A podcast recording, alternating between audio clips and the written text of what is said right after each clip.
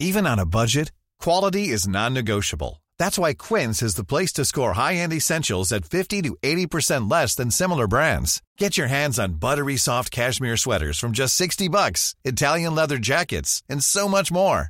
And the best part about Quince, they exclusively partner with factories committed to safe, ethical, and responsible manufacturing. Elevate your style without the elevated price tag with Quince. Go to quince.com slash upgrade for free shipping and 365-day returns.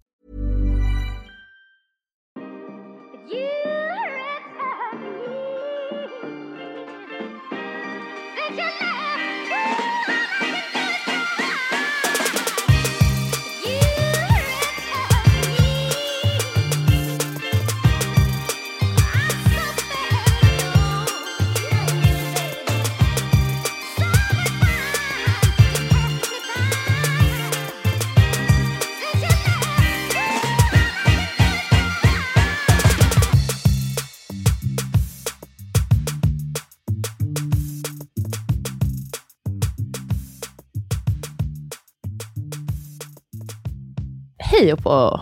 Hej Sobi. Många gillade avsnittet med Kalle. Ja, Har du hört det det? då. Mm. Och många Förstår älskar mig. Kalle. Ja, han är jättehärlig. Ja, kul. Han får gärna komma tillbaka igen. Han är verkligen Verkligen, a pro. Vår fourth sister. Ja, verkligen. Alltså, han är, jag tycker han är en jättehärlig, ödmjuk och duktig. Kul att han har hittat det. Mm. Shoutout till dig Kalle, tack att du kom. Eh, och på hur läget? Denna Jo, det är bra. afternoon. Det känns som att jag har håll, men alltså annars är det bra.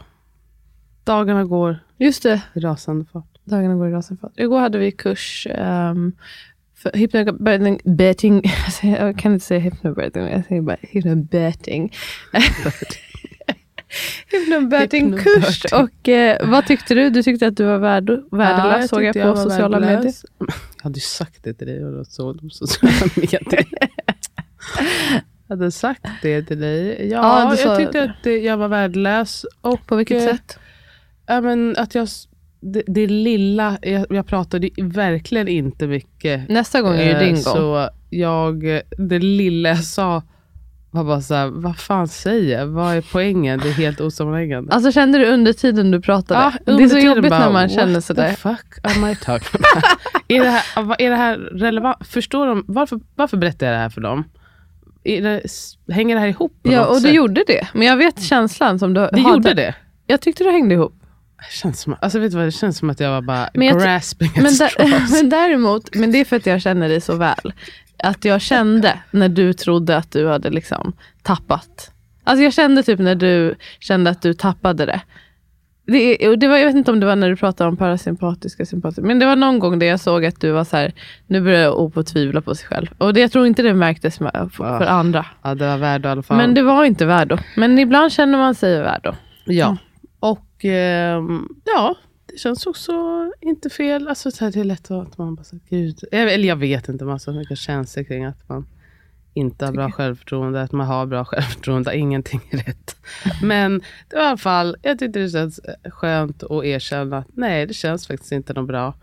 Eh, samtidigt som att, eh, liksom, det är inte som att jag bara, oh, I'm a bad person, utan bara, nej, för fan vad jobbigt. what it is. Ja, fan vad jobbigt det känns att känna att bara, oh, det här gick bara så dåligt. Jag ville så gärna att det skulle kännas bra. Och så kändes det bara så dåligt. Tyckte du Tråkigt. hela k- grejen var dålig? Eller bara... Nej, men resten var ju du. Alltså, Ja, så men då du kan ju tycka att jag är dålig. Och, nej, det, så, det var ju mitt ord att jag var stolt Ja, över jag det. vet, Det det var känns jättegulligt, jättebra. Men jag vet inte hur... Men eh, hopp, känner Nej, du men- fortfarande så där? Eller var det i stunden? Nu känner jag bara, vet du vad, det gick dåligt. Okej, Okej. Det är lugnt. Okay. Livet går vidare. Jag tror ändå Det är att... inte, får jag bara säga, det är not a fact att det gick dåligt. jag, jag tror inte, jag tror det bara är du som känner så. Men Ja, okej. Men för jag, jag uppfattar alltså, det har väldigt lite med någon annan att göra. Jag tror alla i rummet gick därifrån och kände sig nöjda med dagen. Mm. Men att jag känner också det är okej. Jag tyckte inte att jag, det blev inte vad jag ville. Mm. Okej. Jag ser fram emot eh, nästa tillfälle. Då är det mycket som du ska prata om också. Mm. Ja, vi, ska vi måste lägga upp det här på ett annat sätt. Det blir Jag har kollat mycket. igenom. Ja, men eh, det ska bli jättekul och jag hoppas och jag tror att det är också dina grejer och du ska få visa och sådär. Det tror Jag jag. behöver inte prata så här mycket. utan det är visa. bättre. Det är du Mm. jättebra på. Jag du är också bra på att prata. Du är så härlig och avslappnad. Och... Tack så mycket. Ja, men det, var, det var i alla fall jättelärorikt. Och det, det är också roligt att man har en kurs och så, så liksom, tycker jag ändå att man lär sig någonting och påminns om olika saker. Och bara, ah, just, just det. Så bara, ah, vad bra. Vilket, vilket innehåll. Folk verkligen lär sig. Du har, massor. det är en väldigt rolig grupp tycker jag. Som är väldigt eh, frågvis och Jättekul. involverad. Ja. Och undrar. Jag är jättenyfiken. Det ska bli så kul att träffa dem sen.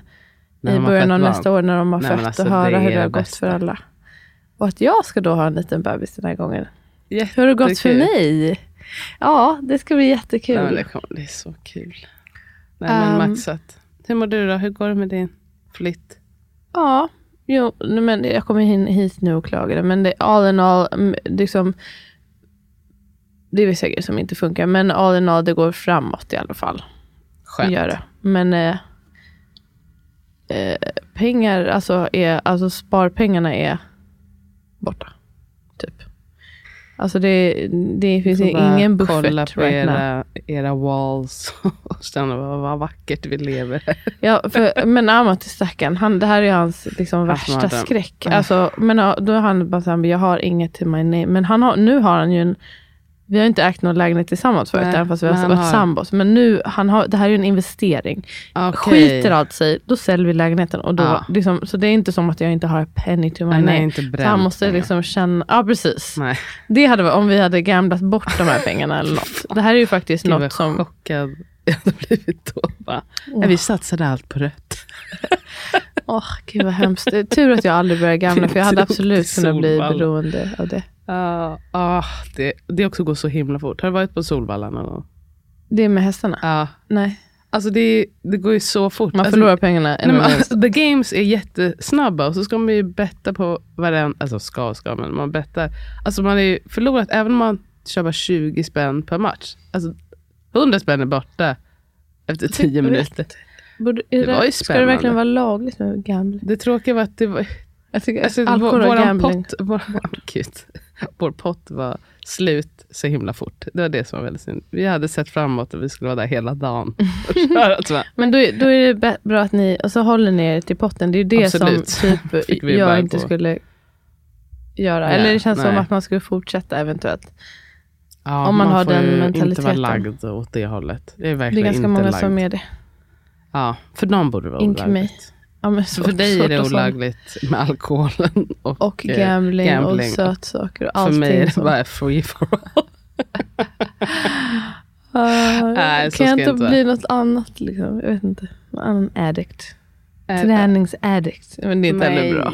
Ortodoxi. Nej, det inte. Också så fruktansvärt tråkigt. Nej, jag kommer också. Det kommer aldrig hända. Inte. addict faktiskt Eh, helst.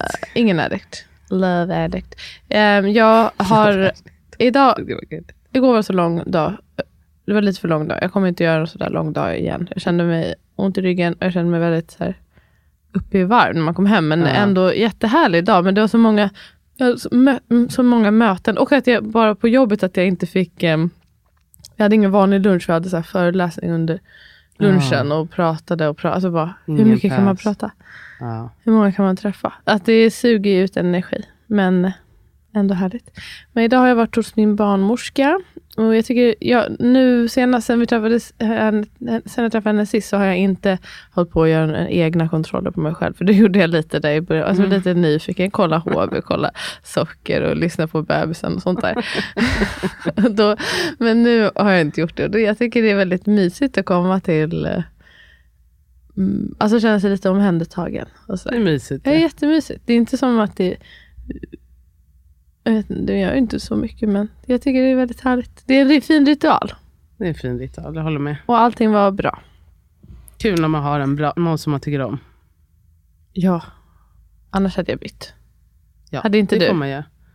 Jo, det hade jag verkligen gjort. Man ska ju ändå ses som- ganska många gånger och så här.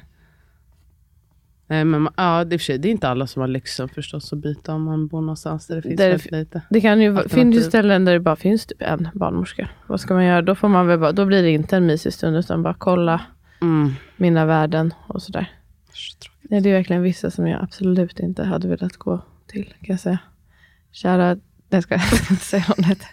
Jag tänker på en person. Gud, hon stressar mig. Ah, Det är folk ut som bara-. Din energi motsatsen mot att man blir lugn. Man bara känner eh, axlarna upp och bara stress, stress, stress. Det är inte nice. ja, ja. Ah, ja, Okej, men eh, nog om oss. Idag ska vi snacka WeBack. Det känns som folk har frågat Vad står det det. för? Vaginal birth after cesarean. Yes. Jag försökte kolla om det fanns någon typ av förklaring, eller jag menar förklaring, förkortning på svenska, men ingenstans kunde Nej, hitta man det. brukar använda VBAC. Vaginal förlossning efter kejsarsnitt. Ja, vi, Vi... vi, VFAC. Nej, Vi- efter VFAC. VFAC, så är det. Ja. vi fick. Nej, Nej. du säger fel. Vaginal. VFAC. Okej. Okej, perfekt. Rolls tongue. Man kan ju också bara säga vaginal förlossning efter kejsarsnitt. Ja, men eh, för första är det väl, det är många som vill höra om det. Precis. För att kanske att det är mer, jag vet inte, det, det kanske du har kollat, hur det har varit liksom historiskt. Det, och jag antar att det är andra länder, att andra länder, men till exempel USA kan jag tänka mig att har man haft ett tidigare kejsarsnitt så uh, i mångt och mycket är man rådd till att um, göra till det igen. jag kanske kollade upp det faktiskt. Jag, min uppfattning var ändå att eh, alltså, det där skiljer sig åt väldigt mycket beroende på Klinik. hur, Nej. ja, klinik, men också så här, hur ser kulturen ut överlag? Alltså i länder där så här, ja, man har i regel mycket kejsarsnitt, ja, där blir det inte många VBACs. Och Nej. har man mindre kejsarsnitt, ja, där blir det fler. Eh, men ehm, det har ju gjorts, jag kunde inte hitta några svenska större svenska studier, men däremot några amerikanska om liksom, säkerheten Mm. och, och hur man ska tänka och sådär.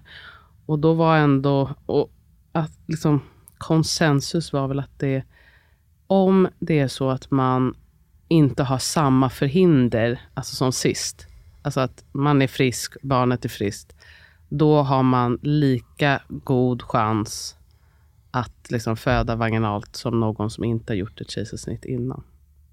Mm. Förstår du vad jag menar? Så Förklarar det det? Havrebröd. Ja, men eh, förlåt. Eh, jag pratar om något annat. Jag fick inte havremjölk i mitt kaffe och det känns inte okej.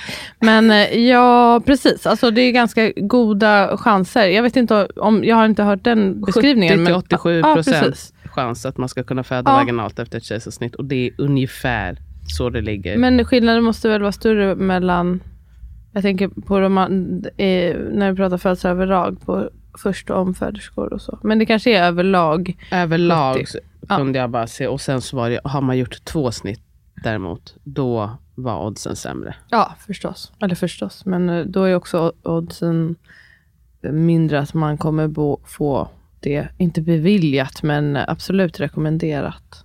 Men det, det är också olika beroende på vart man är och vad man har för individuella förutsättningar och önskemål förstås.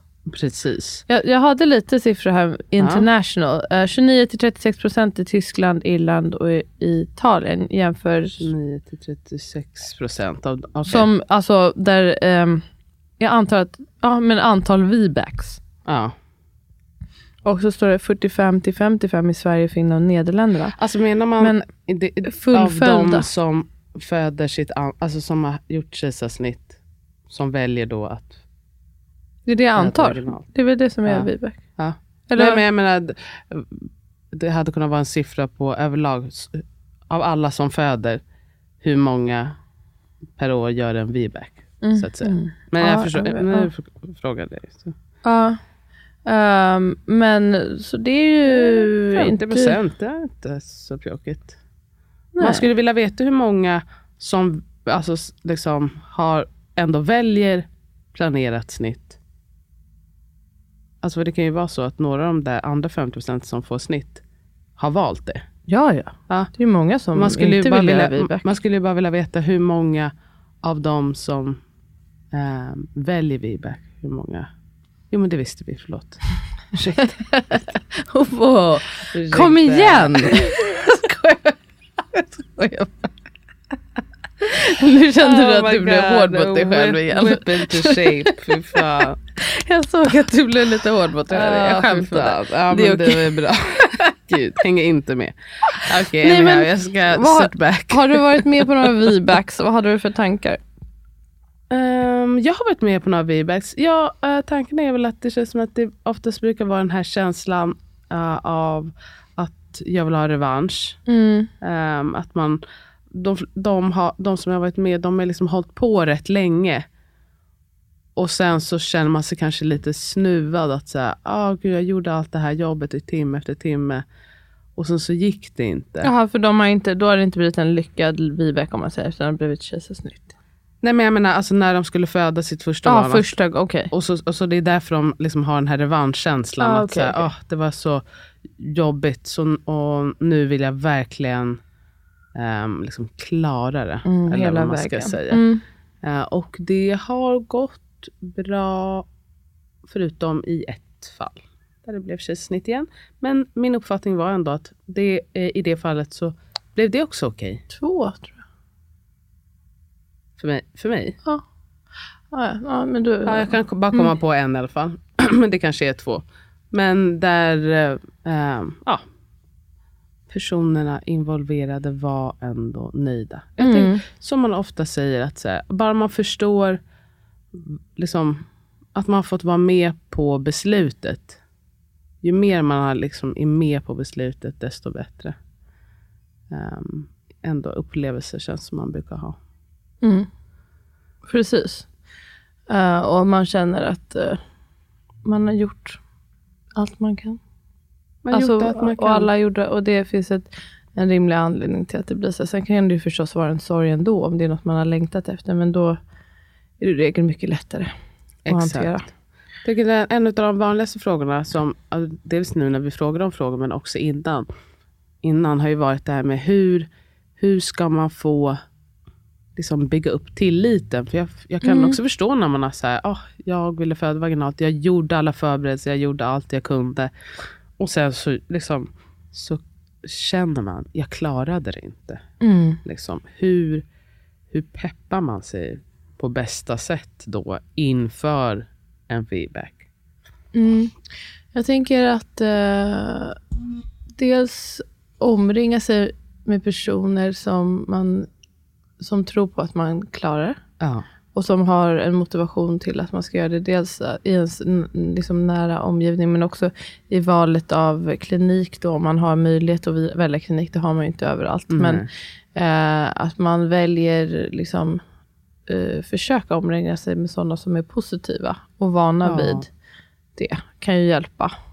Och det här som du sa också med att Um, nu, det beror lite på såklart individuella faktorer, men generellt så har de flesta en god förutsättning om man har ett Precis. tidigare snitt i bagaget för att göra det igen. Det är också bra att påminna sig om att man, du ska inte göra om, det är en sak man vet att man inte gör om sin, en, alltså man kommer inte göra om den förlossningen man har i bagaget. Det är en Exakt. ny födsel och ett nytt barn inte minst. Det är så himla viktigt för många att komma ihåg. Ja, och det Eh, kan vara Oavsett svårt. om det är VBAC eller inte. Mm. Det, det är, man vet ju faktiskt ingenting om hur födseln kommer gå. Men man vet 100% säkert att det inte blir samma som ens första. Nej, precis. Precis, det, så, det vet man. Och det kan vara skönt ibland med det här statistik och att man har liksom oddsen ändå på sin sida. 70 procent, ganska mycket. Mycket, 70 till Ja. 87 till och med. Alltså det är faktiskt Ja, eh, väldigt bra. Ehm, Och, och som sagt, det är inte alltid, ibland är inte, finns inte förutsättningarna där, även fast man har gjort allt man har kunnat. Och då vill man ju kunna föda barnet på det säkraste Exakt. sättet. och det kan bli ju, det är också viktigt att komma ihåg att det kan ju bli hur fint och bra som helst ändå. Ja, Alltså även om det inte blir som man har tänkt sig. Men några saker om vi pratar lite mer, eller vill du, ha, vill du säga något? Jag avbröt dig. Nej, jag vill eh, bara läsa en historia. Men jag vill Ah. höra vad du ska säga först. Jag tänkte bara um, om vad man tar hänsyn till. Eller om, ehm, om det kommer någon till mig som vill göra en VBAC, då, då brukar jag boka in dem till läkaren. Dels säger jag att det är ju ditt beslut i slutändan. Eller man kan ju inte, de flesta blir beviljade ett snitt om de eh, vill ha ett snitt eh, då. Ja. Men eh, däremot om man absolut vill föda, försöka föda vaginalt, då får man ju göra det även om man har fem kejsarsnitt bakom sig. Men ingen kommer ju troligen rekommendera Nej. dig att göra det. Eh, och det innebär, då ska man veta om riskerna och så vidare. Men det, man kan ju aldrig bli tvingad till, eh, eller man bör inte kunna bli tvingad till att vare sig sätta sig igång eller göra ett kejsarsnitt. Och det finns inte heller ett max antal snitt, utan det beror på lite olika eh, saker. Alltså dels med ehm, varför gjorde man tidigare snittet? Vad vill man den här gången? De flesta nu har ju såna här låga bikinisnitt. ja, precis. Men eh, om det har varit något väldigt akut, det kan, Så kul.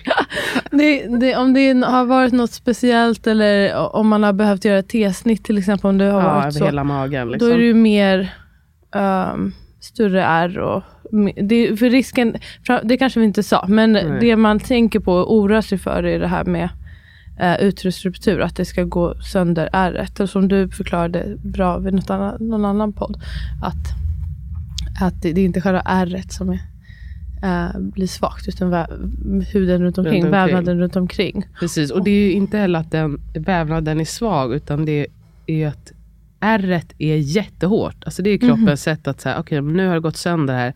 Nu ska vi inte bara liksom laga, utan nu ska vi verkligen förstärka det här. Och när något är jättehårt och sen så något annat är mjukt, så är det ju inte följsamt längre. Och därför kan det liksom rivas upp. Där om man säger. Och om det sker, det, det, eh, det kan ju också ske på lite olika, alltså det behöver ju inte vara det är alltid eh, riskfyllt, men det kan vara mer eller mindre akut. Men det är inte en bra...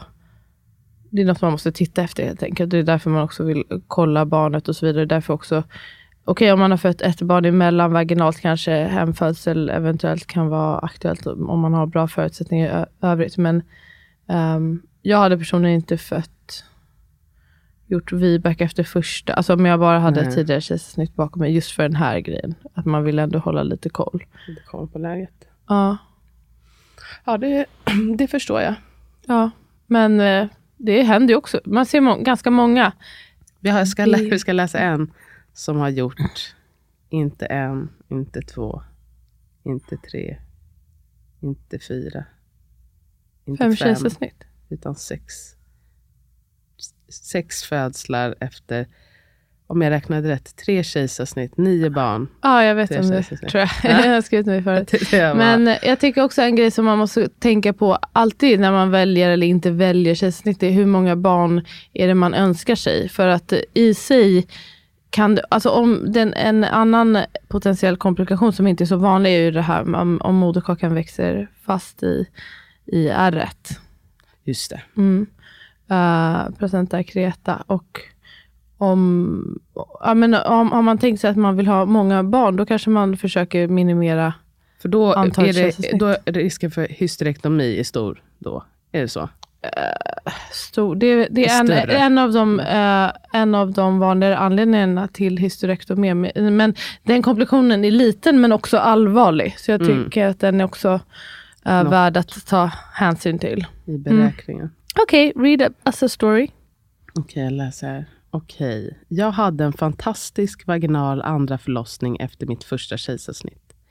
Skillnaden mellan mina förlossningar upplevde jag var att jag under min första förlossning inte förstod vad som pågick innan den avbröts för snitt. Jag kände inte igen smärtan i vad jag läst och hört innan eftersom den satt enbart i ryggen på grund av att barnet låg vidöppet utan att någon förstod eller i alla fall sa det till mig. Jag var väldigt orolig inför andra förlossningen, men när den började så kände jag mig lugn och trygg på grund, av, på grund av att jag förstod smärtan och händelseförloppet, samt att barnmorskorna hela tiden försäkrade mig om att allt gick precis som det skulle. När jag hade krystat ut bebisen så utbrast jag, men va? Har jag fött ut honom med muttan? Jag var så inställd på att det skulle bli kejsarsnitt igen av någon anledning, så jag blev helt chockad över att han föddes vaginalt. Och sen sprack jag av stolthet och sa kanske hundra gånger till min sambo.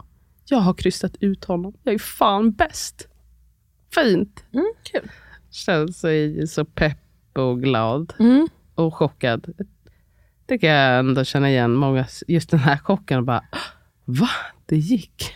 Ja, det är ju det, verkligen, jag kan tänka mig att det sätter, kan sätta hjärnspöken. Att så här, det är precis som med, om man kanske har blivit igångsatt att tro, svårt att inse att man kanske kan starta spontant, eller om man har fått mycket verkstimulerande tro att det kan gå utan det. Att det är lätt att det sätter spår. Sätter spår. Mm. Vet du vad, på tal om det där med igångsatt.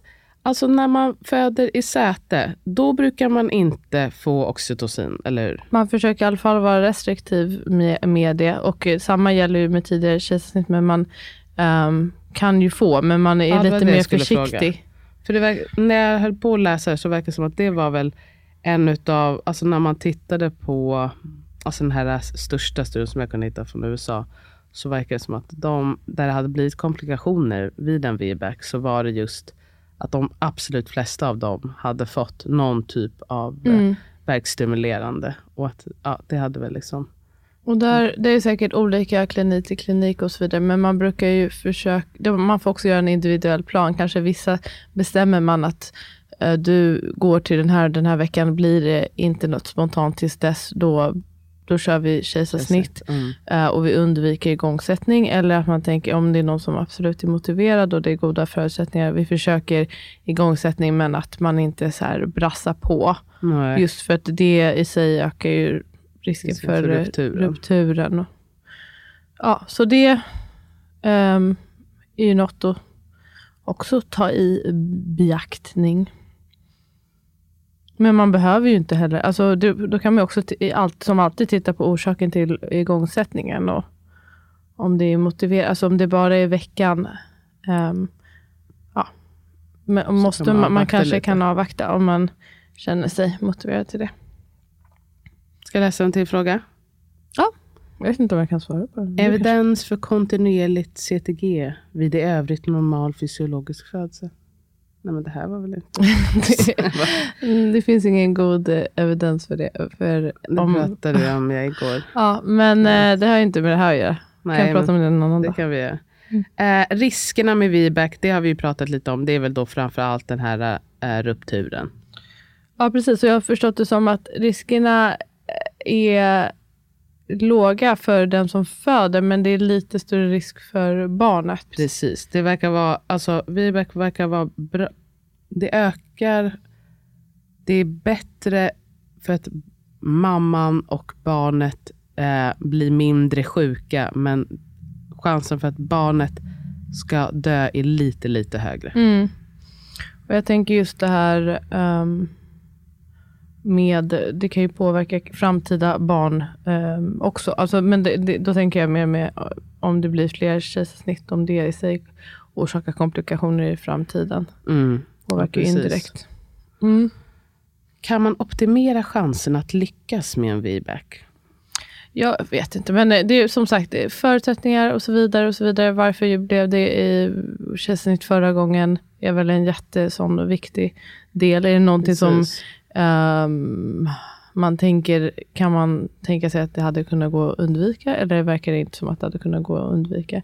Men annars så tror jag på det som jag tror på annars med alla födslar. Alltså att man försöker um, göra så gott man kan med de verktyg man har Man har. själv. Jag tänker också, kan det, det känns kanske e- extra, det har jag inga belägg för, men alltså extra motiverat kanske att försöka eh, föda fysiologiskt. Att då kanske, alltså kropp, att det får ta den tid det behöver ta och att det får vara liksom förhoppningsvis lite lugnt. Ja, precis. Om, kan med tanke på det här efter. också med, med tanke på det här med att eh, verkstimulerande och eh, igångsättning är en riskfaktor, då är det ju kanske bra Och att då- eh, man försöker med fysiologiskt. Och då, fysiologiskt, då menar du alltså en, en frisk och normal födsel när allting är utan särskilda omständigheter och flyter på smidigt. Och då kan man ju tänka på för att också om man tar epidural då kommer man sannolikt behöva verkstimulerande och man tänker lite på vad saker har för följder. Eh, och jag tror att det, Precis. som du säger, chanserna är bättre då, om man eh, har en fysiologisk födsel, om man har möjlighet till det. Och möjligheten till det blir ju bäst om man är förberedd och har lite kunskap om vad som gy- gynnar fysiologin. Och det är alltid värdefullt. Det är alltid Och känna till. värdefullt. Ja. Verkligen. Ska jag läsa en till historia? Mm.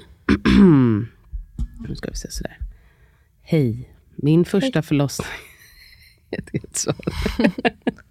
Min första förlossning, vaginal, gick ganska snabbt. Jag hade ganska hög smärttröskel och hann endast få lustgas en stund. Det oväntat snabba förloppet plus lustgasen gjorde att jag kände mig lite chockad och bortkopplad från verkligheten. Annars en bra förlossning. Andra barnet föddes med akut kejsarsnitt i vecka 33 plus 5 på grund av att jag fick blindtarmsinflammation. Usch, jobbigt att få när man är gravid. Hade sett fram emot att föda vaginalt, men blev snuvad på det. Mm. Graviditeten med tredje barnet innebar lite mer orosmål eftersom jag ville ha en VBAC. Att jag redan fött vaginalt bidrog till att jag kände trygghet och tilltro till att klara av det bra. Mm. Men moderkakan låg för snittärret. Mm. Bebisen bedömdes stor och låg rörlig ända in i det sista. Dessutom blev jag dunderförkyld, jättetrött och hostade sönder något i ryggen ett par veckor före BF. Men när det väl var dags fanns inga hinder att föda vaginalt. Ja, vad bra. Så Mm. den, okay, den var inte fastvuxen, utan det var lågt sittande placenta bara. Yes, so. Mina förhoppningar inför förlossningen var att komma in i tid för att känna mig trygg i och med de extra riskerna och återigen vara mer med än under min första förlossning. Dagen före BF drog det igång med en liten blödning vid midnatt. Jag ringde direkt till förlossningen och låg sedan hela natten och andades genom verkar med 8 till 10 minuters mellanrum. Fram på morgonkvisten fick vi komma in för kontroll. Jag tog trapporna upp för att jag kände mig pigg och stark. Var fem centimeter öppen och blev inskriven. Verkar var femte minut. På detta stadium höll det sig sedan utan större förändring i fem timmar. Jag andades genom verkarna. Det kändes fullt hanterbart. Jag hade kommit in utan stress och var med, var med mentalt. Barnmorskan kom in var 20 minut och lyssnade på fosterljuden med Doppler. För mig funkade det, funkade det bra. Jag var inställd på mer eller mindre kontinuerlig övervakning. Hon smög in, lyssnade i den position jag var, viskade “det låter fint” och smög ut. I like it. Jättefint. När det inte hänt så mycket togs hål på hinnorna. Det blev snabbt mer intensivt. Jag fick lustgas och bebis föddes drygt två timmar efter vattenavgång. Var det igångsättning eller? Alltså, I guess eftersom det hade väl stannat av lite tyckte de, så, så tog de hål på hinnorna. Ja, men det var inte igångsatt från Nej, från början, början, så det nej. fanns ingen skäl att göra amnutomi. Mm. Jag fick lite mer instruktioner hur jag skulle använda lustgasen denna gång. Så jag blev inte lika förvirrad när jag hann landa lite i verkligheten mellan verkarna. Jag hann landa och talade om för min man hur ont det gör och att vi är så färdiga efter detta.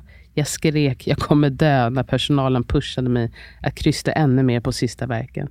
Sen flög hon ut och då kändes det som ett onödigt pessimistiskt avslut på en bra förlossning. Dagen därpå skratt, skrattade jag min förlossning 9 av 10 på VAS-skalan, ifall något skulle kännas knepigt i efterhand. Men jag kan inte komma på något som drar ner betyget. Hade rent av kunnat sätta en 10. Det blev en förlossning som tog lagom lång tid, kändes lugn och trygg. Under förloppet hade jag inte en tanke på extra risker eller, och så ser det någonting som har försvunnit. En 4,5 kilos ljuvlig tjej som tog bröstet strax efter hon fötts låg där och sög i en och en halv timme. Även detta betyder mycket då amning aldrig funkade med min förstfödde och min andra började livet med sond. Men denna gång kände jag direkt att det här löser vi. Så det blev både en bra förlossning och en postpartum-revansch med okomplicerad start för bebis denna gång. Nice. Vilken, eh, vilken läkning är det? Vilken läkning och många, alltså så här, jag tänker så här, med så små grejer kan man också göra så mycket som barnmorska. Att så här, smyga in, att anpassa sig efter vart den som föder är och bara lyssna, inte skrika. Inte ha den där doppeln på högsta jävla volym. Alltså det kan göra mig galen. Alltså när de kommer in och ska försöka vara lite schyssta. Och så, så har de doppeln jättehögt och så låter det bara Den där nej, ibland låter så högt. sänk, sänk fan. Ja. Ja men fint. Det är fint hur mycket läkning som kanske... Det är liksom... Och också så här, ah, det där lät liksom... Det var ju ris och ros, men att det kan ju bli så bra ändå. Oh, att det kan kännas mycket, så himla fint. verkligen så mycket är bara det här bemötande, känslan av att vara respekterad och så vidare. It's just very simple Väldigt. på många sätt. Ehm, jag har, tror, det är inte att bryta sekretess och säga ingen vet väl vad jag, men i alla fall det är en, en kvinna som, jag tror hon har tre tidigare kejsarsnitt varav en mindre rup- uterusruptur och hon vill ju väldigt, väldigt gärna föda det här barnet vaginalt. Jag sa att jag tror ingen kommer recommend men det ska bli Nej. spännande att se om hon ska ge det ett försök. Okej. Eh, apropå det där. Men eh, ja, alltså, alltså det är ju hennes rätt, eller hur? Det är hennes rätt, absolut. Att ta Och- den risken. Och sen Om så, hon känner att hon har liksom äh, koll på läget, liksom jag vet vad det är jag säger ja, ja till. Precis, och eh, man kan avbryta då ifall att. Men eh, det är nog många också som känner att de inte vill. De, att man kanske också kan tänka mig att det kan finnas en stor läkning också om man har haft ett akut kejsarsnitt. Det behöver ju inte vara så dramatiskt alla gånger, men om man har haft lite dra- drama och sen får välja ett planerat snitt och få uppleva det, Mm. det lugnet och det, den typen av förberedelse. Det måste också vara, kännas så skönt för många. Det tror jag verkligen. Mm. Verkligen kunna förbereda sig. Känna, för det är väl mycket att man känner den här bristen på kontroll och att man bara inte har hängt med. Mm. Och det är också svårt, även om man blir informerad, kan det ju vara svårt att uppfatta exakt vad det är som sker. Eh, alltså om man är väldigt trött och personalen gör ju sitt bästa att förklara. Men, men jag kan tänka mig just det här med att okej, men nu får jag välja hur det här ska gå till. Och jag, jag kan fråga alla frågor jag vill innan och, och veta vad, när och Mm. hur. Mm. Jättebetydelsefullt. Har vi någon mer fråga eller har du någon mer historia? Jag har flera, flera, flera, flera mer historier. Okej, jag Eh, kan inte läsa alla. nej, men jag kan säga. Mm. När jag var gravid med första barnet såg jag verkligen fram emot en vaginal förlossning. Var den här jag läste precis? Jag vet inte. Nej, jag tror inte. Ehm, när jag var gravid med första barnet såg jag verkligen fram emot en vaginal förlossning. Hade förberett mig och önskade mig en vattenfödsel. Besvikelsen var enorm när det visade sig att bebis låg i säte och efter två misslyckade vändningsförsök blev rekommenderad snitt. Grät floder, men ut kom en fantastisk dotter. Ett år senare blev jag gravid igen. Kände att nu blir det min revansch på min drömförlossning. Drömmen gick återigen i kras när det visade sig att jag hade placenta previa totalis och som läkaren bedömde det med väldigt liten chans att placenta skulle flytta på sig. Att den täcker över cervixöppning alltså. Jag vågade inte hoppas på något utan förberedde mig på ett snitt igen. Vid ultraljud i vecka 34 visade det sig mirakulöst att min placenta hade flyttat på sig och jag fick plötsligt föda vaginalt. Förberedelse för en vaginal förlossning började med hjälp av er kurs i hypnobirthing och jag började Kära, och jag började äntligen visualisera den förlossning jag drömt om. BF plus en vecka kom och inga som helst tecken på att förlossningen skulle dra igång. Jag var på kontroll för igångsättning och återigen blev jag besviken att det inte skulle börja naturligt. quote unquote. Efter kontroller och min egna vilja att våga lita på kroppen kom vi tillsammans överens om att vänta några dagar till med igångsättning. Två dagar senare var jag tillbaka. Även då utan minsta symptom på att förlossningen skulle startas. Symptom. Eh, får återigen övertala att skjuta upp en igångsättning. Vi kom då överens om att ett sista datum. Har inte bebis kommit innan dess måste du bli igångsatt. Det är så jag läser. det. Ja, men, Ja. Sjukt. Eh, verkarna satte igång dagen efter och jag kände mig stark och litade till fullo på min kropp. Mitt under förlossningen får hela sjukhuset strömavbrott.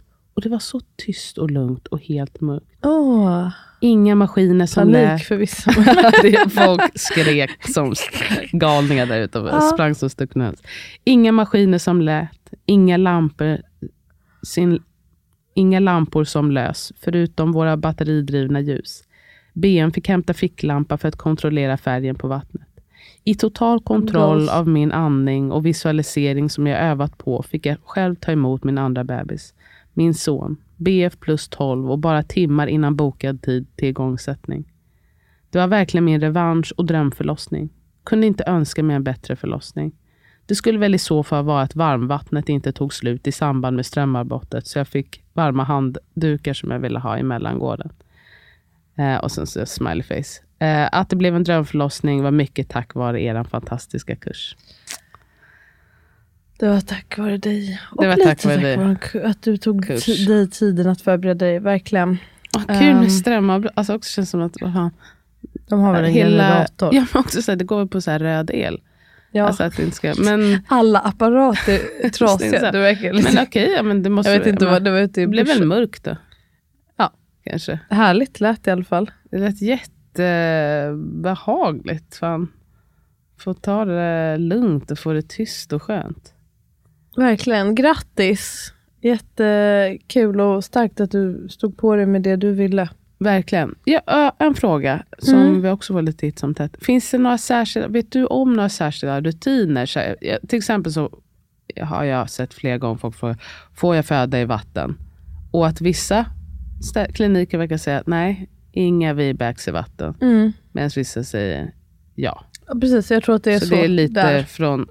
Och det är väl så Mm. det är också med rutiner överhuvudtaget. Alltså särskilt med vatten. Nu, nu blir det mer och mer på tapeten. Men det är ju fortfarande många kliniker som inte erbjuder vattenfödsel där man inte har knowledge av det. Och det är inte, jag tror att det fortfarande finns de som är så här att man måste gå upp i vattnet eh, ehm, efter, alltså om vattnet, ens eget vatten har gått. Att man inte ska vara kvar i vattnet. Alltså det finns, man gör Ah, olika, olika. helt Mm. enkelt. Så jag skulle tro Om man har önskemål där kanske man kan höra sig för vilka som tillåter och inte.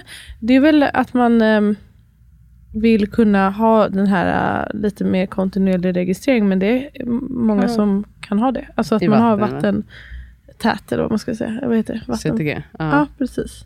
Men det kanske inte är alla som, om man inte är van att ha vattenfödslar till exempel, då kanske man inte har den möjligheten eller det självförtroendet. Så hör dig för där du har tänkt att föda. Men jag tror, jag, jag, jag har bäst koll på Stockholm förstås, men jag vet inte hur det är på Andra ställen andra ställen. Man kan ju ringa och höra eller mejla och fråga. kan man. Ska jag läsa den här sista, den som har fått jättemånga barn? Ja, Jag och sen så kan okej. vi säga hej då. Den säger vi hej då. Mm. Mina två första födslar är vaginala förlossningar. Tredje är planerat snitt på grund av humanitära skäl. Ursäkta. Sen hade jag sju helt okomplicerade VBACs, varav min sjunde VBAC var en vattenfödsel. Verkligen verk, eh, väldigt stärkande. Nu skrev hon, den här personen, att hon hade fått ett till barn efter det här. Eh, förlossningen eh, efter slutade med urakut sov, sovsnitt på grund av navelsträngsprolaps, trots intakta hinnor. Det upptäcktes då eh, jag var i poolen 7-8 cm öppen trots ett helt naturligt förlopp. Väldigt, väldigt ovanligt. Jag är livrädd för snitt, så det var väldigt jobb, en väldigt jobbig upplevelse och jag blev chockad. När jag blev gravid nästa gång så var jag helt inställd redan från början, till och med innan att föda vaginalt. Ville absolut inte snittas igen. Eftersom jag hade två snitt tidigare så erbjöds jag planerat snitt. Men jag tackade, tackade vänligt men bestämt nej. Stod på mig och fick jättefint stöd av barnmorskan. Föddes sen i vatten. Optimal avnavling. Vi väntade i två och en halv timme innan vi klippte den navelsträngen. Um, ehm, då kan jag hoppa av lite grejer. Blödde väldigt lite trots mångföderska. Fick den födsel jag hoppades på och den födseln gjorde även så att det jobbiga med födseln innan bearbetades och inte kändes traumatiskt längre. Det var som att hela jag läkte. Jag har lärt mig så mycket om mig själv. Framförallt att stå på mig och följa mitt hjärta. Och att det är jag och ingen annan som bestämmer och att jag kan tacka nej till rutiner även om något är en rekommendation. Here, here. Att det är jag som bestämmer över min kropp. Det är det jag Så tycker sant som det är sagt. Äh, får jag bara säga, för jag vet några ord som folk, folk tycker ibland att vi inte förklarar. Och Mm. Humanitära skäl betyder alltså inte någon medicinskt eh, skäl, utan någonting som har... Det, ofta, det vanligaste är förlossningsrädsla, men det kan ju vara andra skäl till att man behöver planera eh, sin förlossning. Alltså, vad ska man säga? Mentala skäl. Nej, men Ja, ens, ja, precis. ja. Inte. Eh, och den andra var navelsträngsprolaps, då att navelsträngen ramlar framför huvudet eller föregående fosterdel och kan eventuellt klämmas åt och strypa syret till barnet, vilket är farligt. Det var då som hade, det som hade hänt då på Mm. en av födslarna. Precis. Och då kan man tänka sig, hon har fött så många barn, eh, kanske är mycket plats där. Högt och rörligt barn eller Exakt. något. Och så ramlar det framför, eller så är det något annat. Vet man Så inte. och då ehm, kan det bli så. Jag, bråttom tänk, alltså, ibland. jag tänker att det är, säkert, det är nog många som kommer lyssna och bara, ah, hur kunde hon ta den där risken? Men jag, tänker, jag tänkte mycket, när jag läste det här första gången, på det säger just att alltså, vi är villiga att ta olika risker. Alltså det som du är villig att göra, kanske jag inte är villig att göra och tvärtom. Och Ja. det måste man ju också respektera. Jag läste, det, jag la upp ett citat idag av Rachel Reed som är barnmorskeguru, eller hon är inte barnmorska längre, hon har avsagt sig sin Just det. titel tyvärr. För att hon, ja, av byråkratiska skäl. Hon skrev så här, care providers must release their own emotional investment in women's decisions. It's not the role of the care provider to rescue a woman from her decision making and to do so interferes with the woman's ability to trust herself. Det också väldigt 100%. skönt. För, alltså att, och när man verkligen kommer till den insikten. Alltså jag kan förmedla, jag kan rekommendera. Men det är, Där det är lite ansvarsut. verkar vissa som tror att man har ett också ett, alltså nu, jag är medicinsk ansvarig så det är på mig, men om du kan hänvisa till att du har informerat, du får inte samtycke, då har du liksom, Då har man gjort det man ska göra. Och också så här, tänker, Och man bara har ryggen journal fri. för. Ja, men man har också gjort allt som man kan och bör göra. men jag tror att det är många som är just, alltså man tänker att man gör något olagligt, medan det, det, man har faktiskt lagen helt på sin sida. Tvärtom skulle man väl Ja. säga. Om du gör någonting som någon inte vill, det får man inte göra. Exakt, men det, Och så har det blivit som att det är tvärt, eh, tvärtom. mm, Tråkigt. Ja, jag hoppas att de som har en VBAC framför sig ändå kan känna sig lite stärkta av infon som kommer då.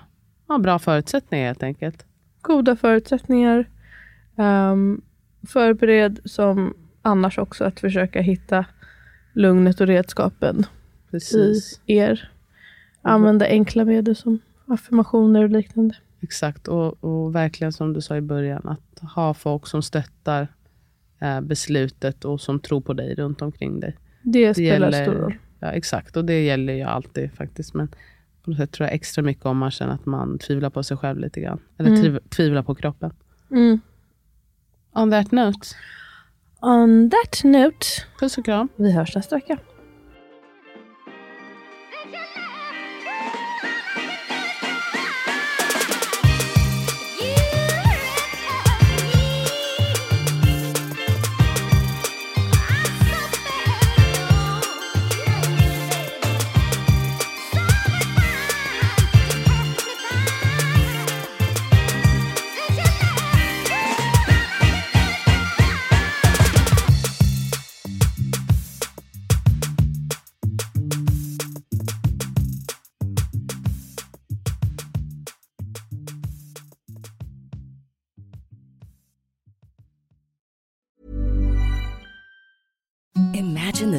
Softest sheets you've ever felt. Now imagine them getting even softer over time. That's what you'll feel with Bowl and Branch's organic cotton sheets. In a recent customer survey, 96% replied that Bowl and Branch sheets get softer with every wash. Start getting your best night's sleep in these sheets that get softer and softer for years to come. Try their sheets with a 30-night guarantee. Plus, get 15% off your first order at bowlandbranch.com. Code BUTTERY. Exclusions apply. See site for details.